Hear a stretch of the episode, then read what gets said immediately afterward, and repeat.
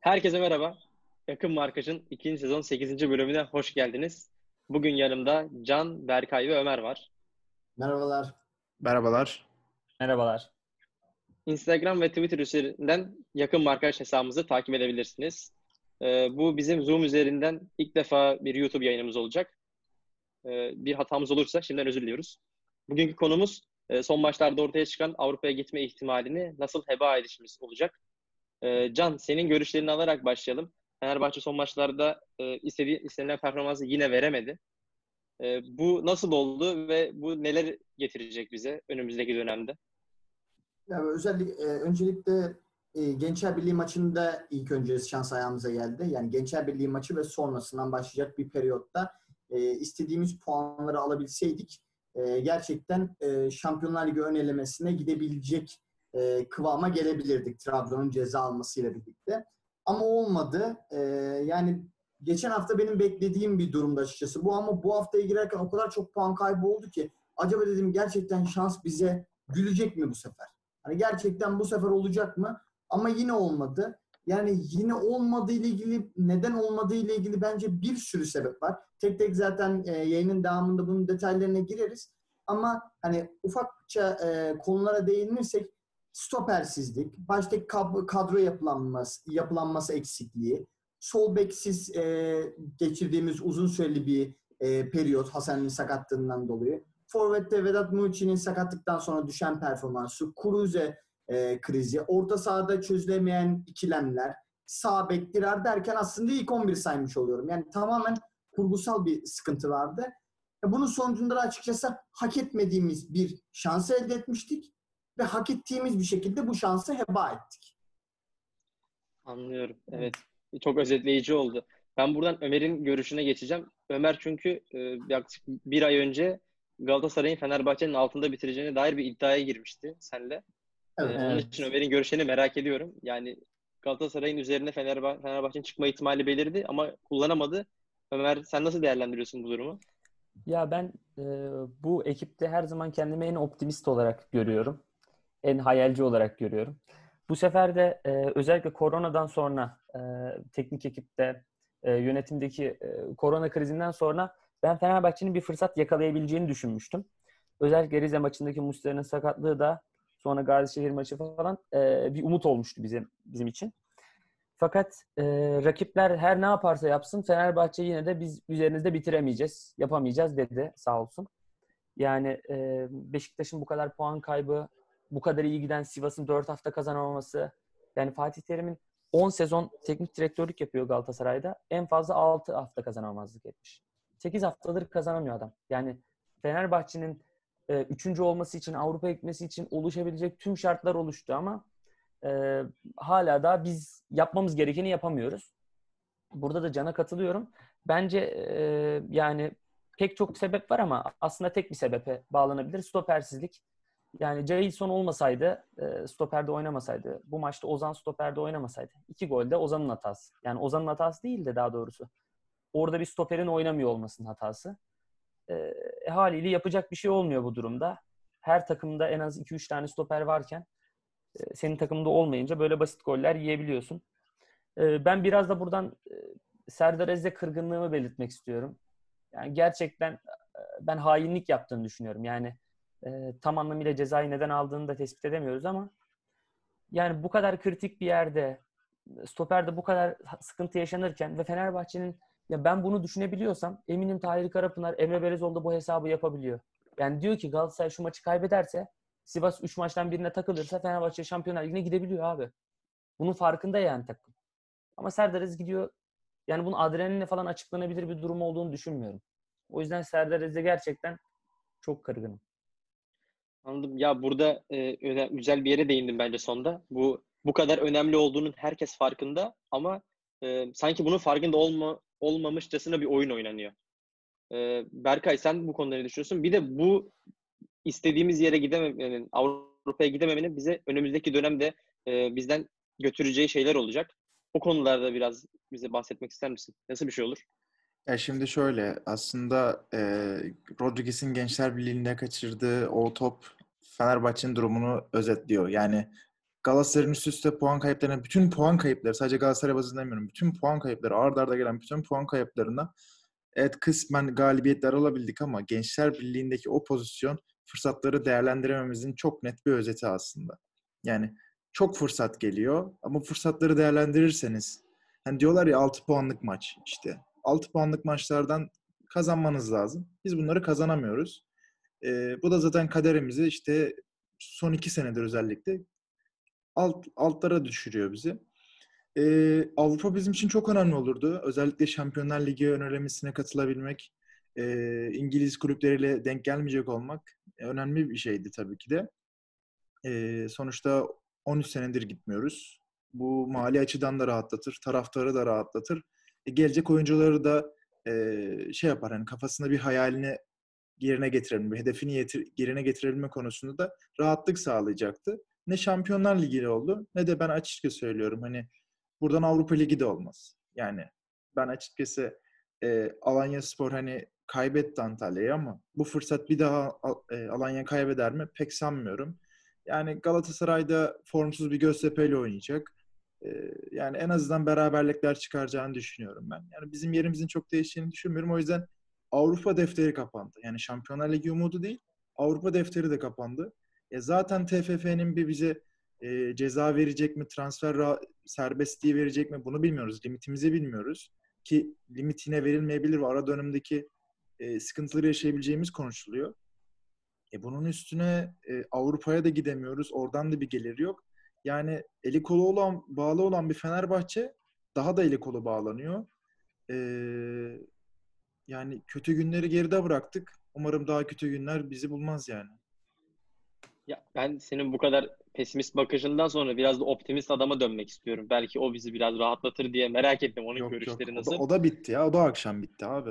Ben ya şöyle beni kastettiğini düşünüyorum. Ya ben gerçekten çok üzgünüm. Şundan dolayı aslında bu üçüncülük maçından da ziyade yani kazanırsan üçüncü oluyorsun. Kaybedersen yedinci oluyorsun. Arası evet. yok yani bu maçın. En azından berabere kalsan Galatasaray bir, bir maçta takılırsa en azından üzerine geçebilirsin. Veya Alanya Spor'la. Ama beraberliği de alamıyorsan kendi sahanda o zaman zaten yedinciliği hak ediyor durumuna geliyorsun. Bence Fenerbahçe'nin e, yıllardır süre gelen durumu şu. Maddi olarak çok güçlüydü zamanında. E, yani 2000'lerin sonu diyelim. 2000'lerin sonunda finansal olarak çok güçlüydü. Sonrasında bu e, daha yavaş yavaş erimeye başladı. Ve sonrasında artık e, maddi bir kaynak yok ama itibarını, ismini göstererek artık borca giriyor. Artık aslında gelmeyecek oyuncuları itibarıyla getirmeye çalışıyordu. Ama artık o itibarı da kalmadı. Yani Fenerbahçe bu en son kokulu daha doğrusu işte 2018-2019 sezonu diyelim. 2018-2019'dan önce 20 yılda bir tane üçüncülüğü var. Yanılmıyorsam. Ben Advokat zamanında. Aynen. Yani bu Fenerbahçe böyle bir takım ama e, şu anki durumda bundan çok uzağız.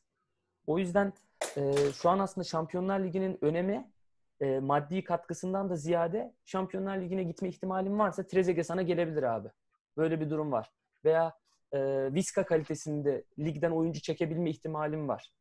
Ama Fenerbahçe'nin artık ne maddi gücü var ne de finansal şeyi var. E, bir itibarı var. Oyuncuları Fenerbahçe'ye getirebilecek.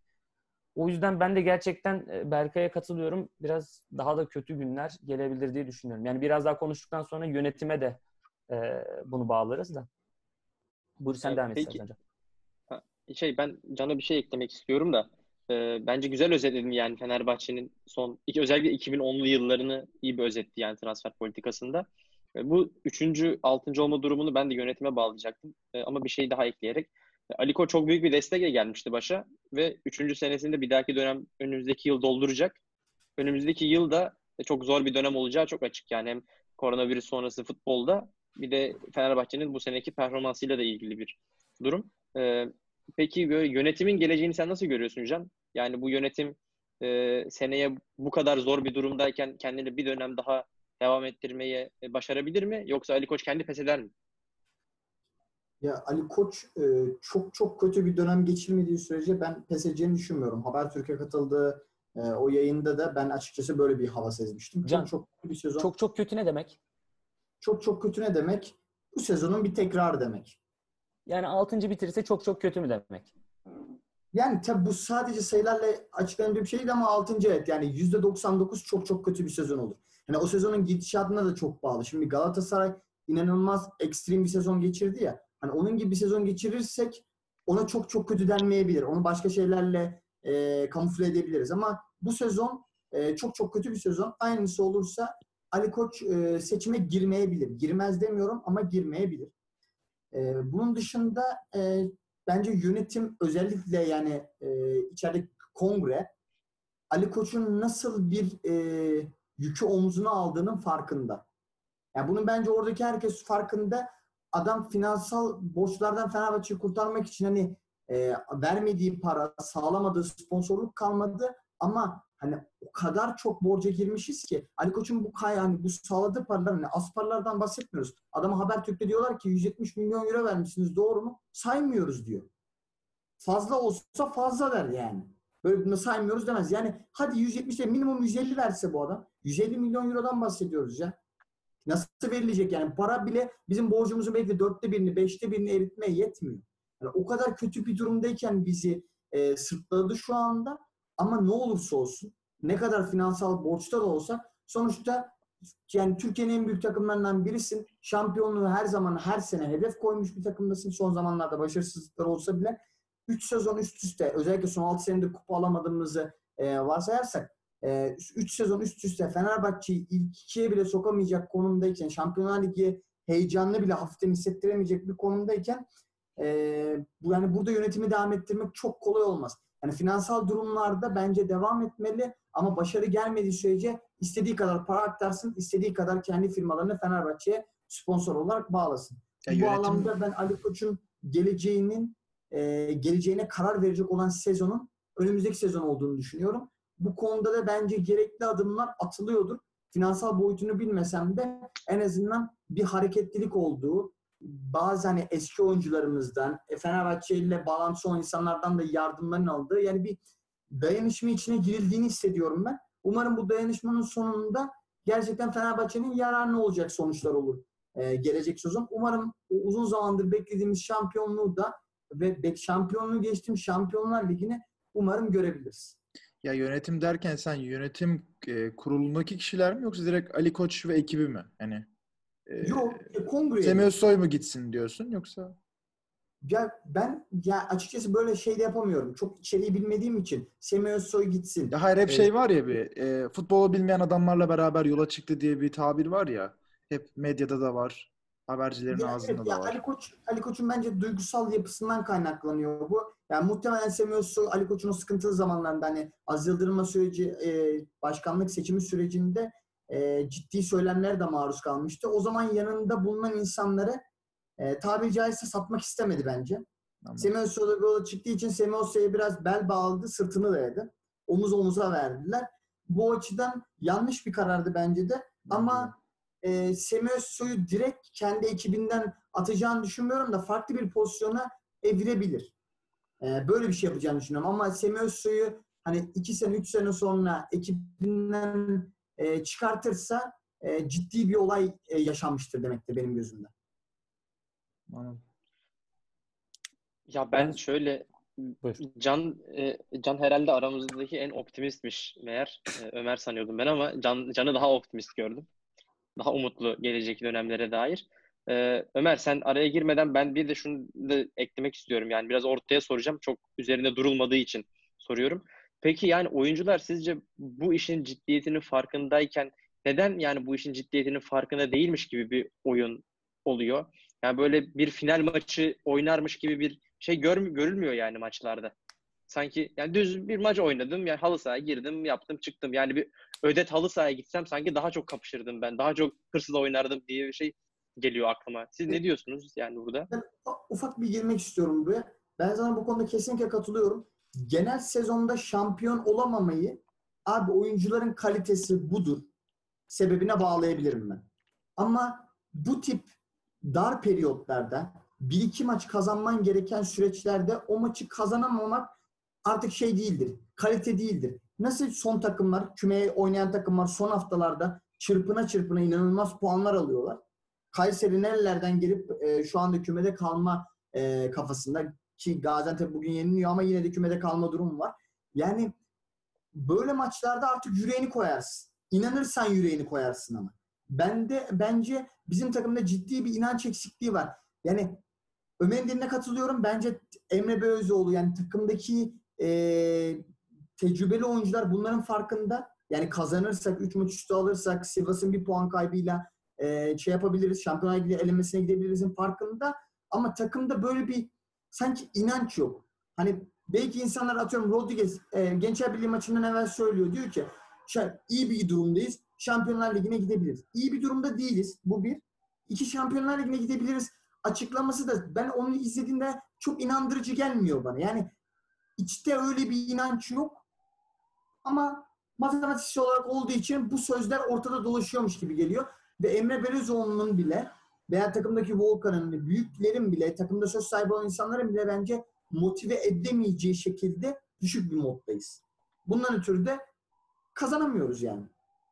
Bak bence sorun şu başarı böyle kanıksanmış durumda. Yani baş, başarısızlık başarısızlık olacağı belli artık. Fenerbahçe'nin başarılı olma durumu yok. Böyle bir ihtimal yok. Yani yaklaşıyor gibi gözüküyor olabiliriz ama insanlar herhalde şey diye düşünüyor. Yani böyle bir şey olamaz zaten. Mümkün değil diye düşünüyor. Yani benim aklıma şey geldi dün.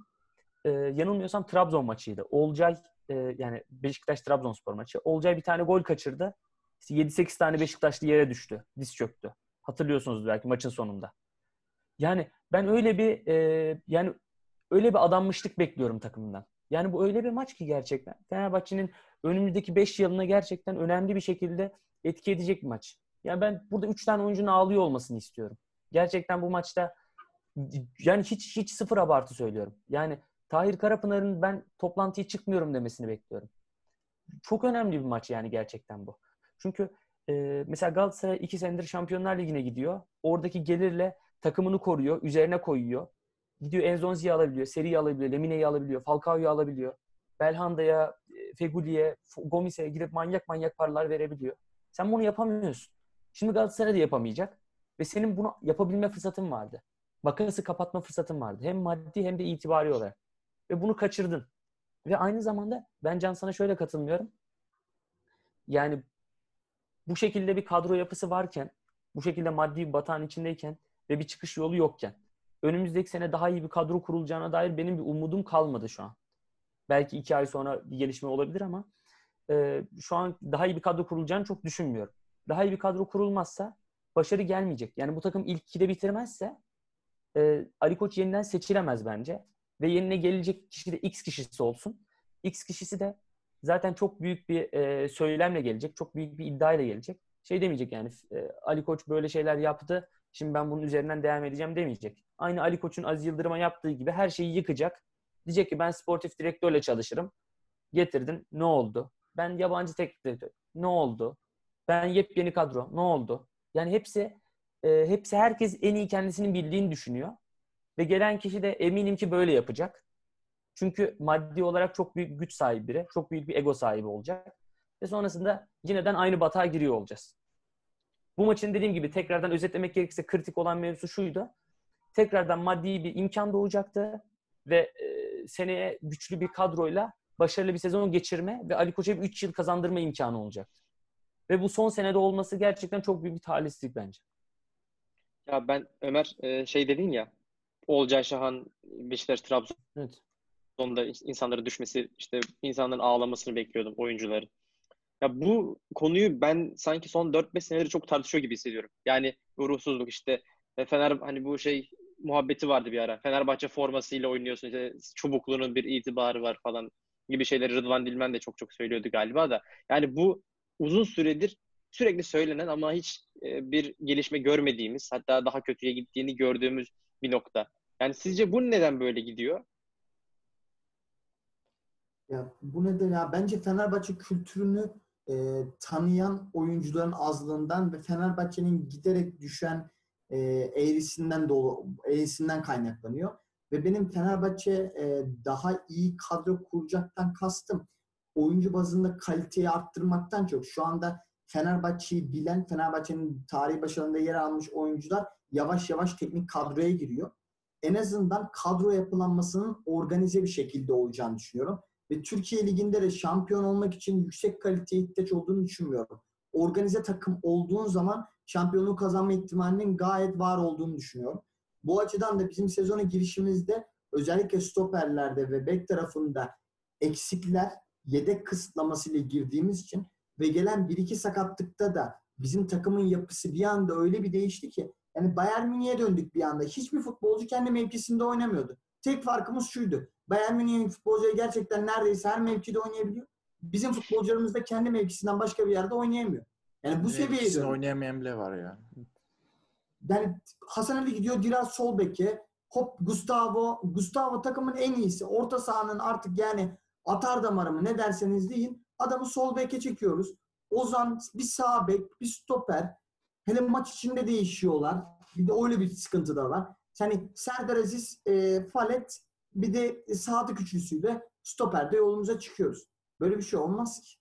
Böyle bir şey olmaz yani. En azından bu kurguyu biraz doğru yapabilirsek en azından her pozisyona yedeklemeli, her pozisyona futbolcu yapılarına uygun transferler yapabilirsek o zaman belki başarı gelebilir. Yani sen Vedat Muriç varken kanadına güzel bir orta kesen bir adam alsan sezonda normal Vedat'ın atacağı o gollerden 3-4 tane daha fazla atarsın. Yani bu noktalarda gerçekten çok kritik. Şu an Fenerbahçe bazı maçlarda 3-4 puan, 3-4 gol fazla atsaydı şu an üçüncüydük zaten.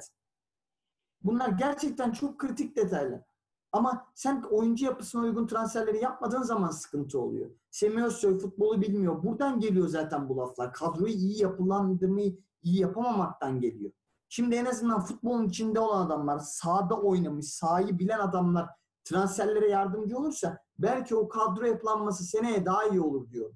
Ama bu sene böyle bir durum yoktu. Bu sene o geçiş sürecinin başlangıcıydı. Burada onu sağlamak kolay değildi. Ama şimdi artık Emre'nin bir rolü biçildi belli ki. Volkan artık yeni görevine adapte olmuş durumda. Mehmet Aurelio çekildi. Semih Şentürk gelecek konuşuluyor. İçeriden Tuncay Şanlı bence destek veriyor. Zaten FB TV'de arada çıkıyor. Yani biraz daha futbolu bilen, futbolun içinden gelen insanlar kadro yapılanmasına yardım ederse belki daha organize bir kadro kururuz ve organize kadro belki bizi şampiyonluğa götürür diyorum ben. İlla daha iyi kaliteli oyuncular, Feguliler, Bellandalar, yüksek maaşlı oyuncular almamıza gerek yok. Doğru yapılandırma bence gerçekten Türkiye Ligi'nde şampiyon olmak için gayet yeterli.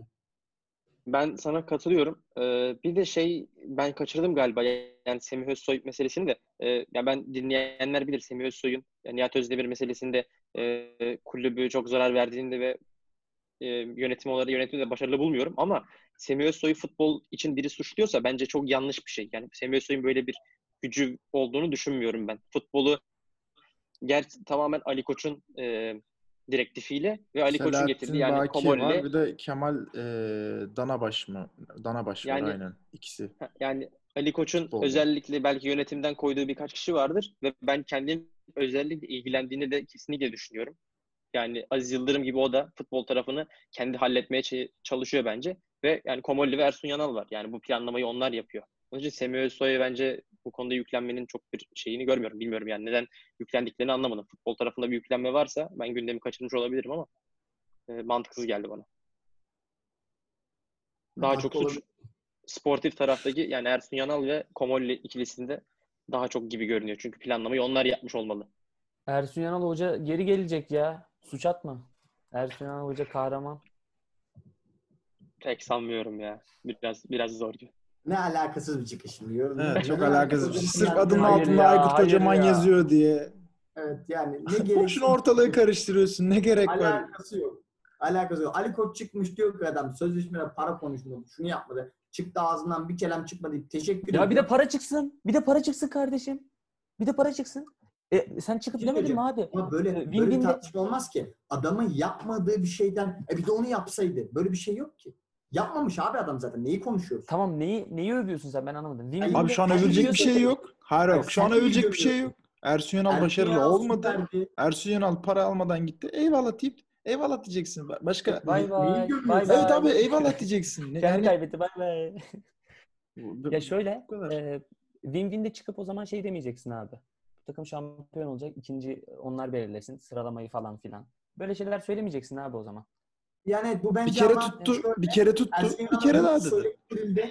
Söylettirildi demiyorsun. Bu gaz da geldi. Ki o konuşmada Win-Win'de Ersun Yanal'ın söylediği cümle bence en son konuşulacak şeylerdir. Kalp krizi geçirecek hocam falan gibi cümleler bence ilk konuşulması gereken cümlelerdi. Hiçbir transferde kalp krizi geçirmedi. Adam belirli kadroyla evet bence de başarısız oldu. Ama bu kadronun da tillığı gelse şampiyon yapamazdı zaten. Ben bu konuşmalardan biraz şunu anladım. Ee, sizin üçünüzün de görüşlerini e, böyle harmanladığımda yani herkes suçlu gibi görünüyor Fenerbahçe'de. Sportif direktöründen teknik direktörüne, yardımcılardan oyunculara, oyunculardan başkana, yönetim kuruluna hepsi Kesinlikle. hatalı. Abi taraftar bir- bile suçlu. Biz bile suçluyuz Yani- yani. Ta- taraftar dahil evet taraftarın da suçları var. Bir, bir yayında onu da bence dillendirmeye gerekiyor. Zaten bir, bir, bir sallamışlığımız var. Bir Evet, fenomen- zamanında bir var, değil mi? bir bir, sallamışlığımız bir, var. bir, bir, bir Twitter bir Twitter fenomenlerine karşı benim bir şeyim de vardı. Benim Ee, de var. Onu abi. da bir Twitter fenomenleri artı taraftar ile yönetim bağı üzerine bir e, podcast ya da işte yayın yapmak Yüzleşme istiyorum. sizlerle. konsepti. Yani onlardan biri gelirse güzel olur. Bir Spam yiyeceğimiz bir yayın yaparız. Spam yeriz öyle adetler. Kendi kendimize yüzleşeceksek pek başarılı olmaz gibi. Tabii. Abi olay yapılanmaydı yani. Hani herkes suçlamanın ise bence burada kesinlikle yapılanma. Yani yapılanmada sadece birini suçlayamazsın. En yani daha çok suçladığın biri olur ama sadece birini suçlayamazsın. Yapılanma, yapılanmanın getirdiği sonuçlar, futbolcuların ruhsuzluğu dersin. Hani kalite etmese bile ruhsuzluğu. Derken herkese bence buradan bir pay çıkar. Biz de şu an bu payı dağıttık bence. Ya ben aslında ben Herkesin aslında böyle iki yılı kendine. iki yılı değerlendirmiyorum. Aslında ben Temmuz ayını değerlendiriyorum abi. Gençler Birliği ve bu maç. Sivasspor. Bunu kazanman lazım abi. Bir türlü kazanman lazım. Yani yüreğini mi ortaya koyarsın? Ne olur ne biter? Stoper var mıdır? Yok mudur? Gustavo olmadı, solda, olmadı. Dirar sağda. Yani bu benim umurumda değil. Bacağını ortaya koyabilir Evet, belki. iki maçı kazanman lazım ya. İki maç kazanacaksın ya. Yani bunu Kayseri Spor çıkıp yüreğiyle savaşınca bunu yapabiliyor. Kayseri Spor'dan bin kat daha iyi kadro kaliten var. Prim mi veriyorsun? Ne yapıyorsan yap ya. Yani İyi birinin şunu anlatıyor olması lazım abi. Demesi lazım ki yani biz bir uçağa yetişeceğiz. Uçağa giden bir gemi var. Gemiye giden bir otobüs var tamam mı? Yani bir dominasyon yaratmak için İnanmayan O- otobüse o- binmesin mi Evet diyorsun? uçak metaforuna girebilmen lazım. Sen otobüsü kaçırıyorsun ya. Kardeşim bir git de bir bir arada bir bari gemiyi kaçır, uçağı kaçır. Yani hiç kimsenin umurunda değil ya. Yani bu bu kadar boş vermişlik olamaz ya. Yani bu maçın kaç milyon euro olduğunu birinin anlatması lazım oyunculara. Harbi'de mesela şey var. Yani ben burada Hasan Ali övmeyeceğim de. Mesela Hasan Ali'nin sözleşmesi bitiyor. O yine bir savaş verdi. Ama Dirar'ın sözleşmesi yenilendi ve Dirar hiç o pozisyonda şey yaptı. Böyle la la lom geçti. Yani şimdi hepimiz o iki golde Ozan'ın hatası diyoruz ama bence çok net bir Dirar hatası vardı. Ya benim hatam da olsa, kimin hatası olsun o, elbette bir hata var ama orada bir Dirar'ın net bir hatası vardı. Ya hiç takip biraz da sabit değil. Ya ne Dirar demek sağ sabit. bek değil abi? Bu adam Barça'ya karşı abi? Nerede oynuyor o zaman? Nerede oynuyor abi? Sol bek değil, Dirar- sağ kanat Dirar- değil. Dirar da sabit değil. Dirar yani Abi her konuda vasıfsız olan bir joker ya. Sağ orta saha, sağ kanat evlen, sağ orta saha benim bildiğim. Sağ bek değil abi. Sağ bekinde sözleşme feshettim. İsli olsaydı kim oynayacaktı? Ha, Dirar oynayacaksa, e, Dirar oynayacaksaydı o zaman da tamam Dirar sağ bek. Ama İsli'ydi bizim sağ bekimiz. Yani burada bu sezon bazında Dirar'ı suçlamanın doğru olacağını düşünmüyorum. Bu sezon değil, de Temmuz konuşuyoruz diye dedim ben bunu. Hasan Hasan sakatlandı. Geçmiş olsun. Ama sakatlandı yani. Adam hiç maçta oynayamadı ki. Hasan yüzünden Dirar 10 maç 15 maç sol bekte oynadı. Bizim kadro yapılanması inanılmaz kaydı. Sol Evet. ayağıyla topa vuramayan adamı sol bek oynattı. Adamın nevri döndü. Yani sen şu düşsene. Sürekli farklı mevkilerde oynuyorsun. Kafası Böyle karıştı şey yemin ederim. Şu Adam an bile sağ bekte sol ayağıyla orta açıyor şu an Dirar. Sürekli farklı oyuncularla oynuyorsun. Bir bakıyorsun soluna Ozan sağ stoper. Bir bakıyorsun Gustavo gelmiş oraya. Bir bakıyorsun Fallet. Bir bakıyorsun Serdar. 10 Aziz. 10 10 10 10 mu 11 mi ne farklı oyuncu oynamış bu sene stoperde. 10 ya da 11. Bu arada- olabilir mi ya? Hasan Hasan maçın sonunda 2-3 tane sahayla iyi orta açtı. Belki Hasan'ı sağda değerlendirip Dirar'ı solda.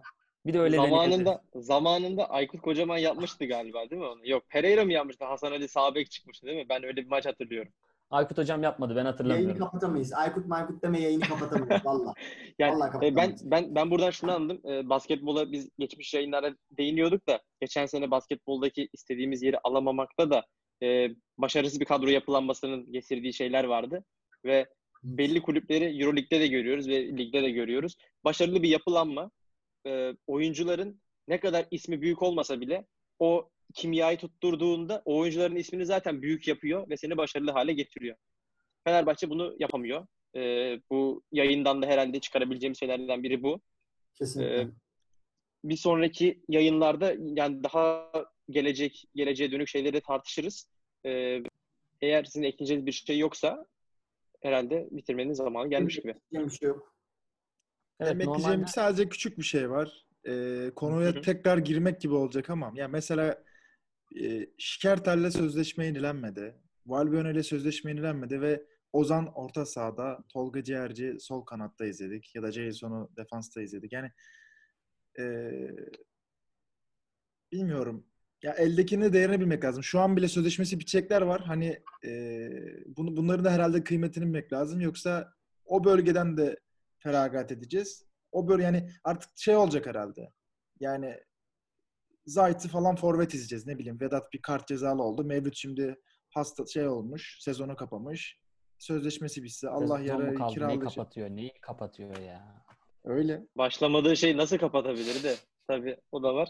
Ee, ama baya bence Bence- iddialı id- bence bayağı iddialı bir şey söyledin. Ee, üzerine bir program çıkar gibi dediğin şeyler. Ya Fenerbahçe'nin adı olduğu bir şeyde bir sürü bir sürü alanda konu çıkartırız biz de işte. Dert tası oldu. içimiz dışımız dert tası oldu da onlardan kaçmaya çalışıyoruz. Kaçamadığımız tek programda bu oldu. Çünkü e, hayalini kurduk çünkü. Dediğimiz dün de storiesini attığımız Olmadı. şey oldu. Başımıza geldi. tabii Harbiden gelmiyor. Başımıza gelmedi. Kalmadı yani. Evet, bu söz bence bütün durumu çok güzel özetledi diyebiliriz. Kesinlikle. Ee, bir sonraki bölüme kadar görüşmek üzere diyelim. Ee, yakın arkadaşta kalın. Görüşmek üzere. arkadaşlar kalın. Görüşürüz.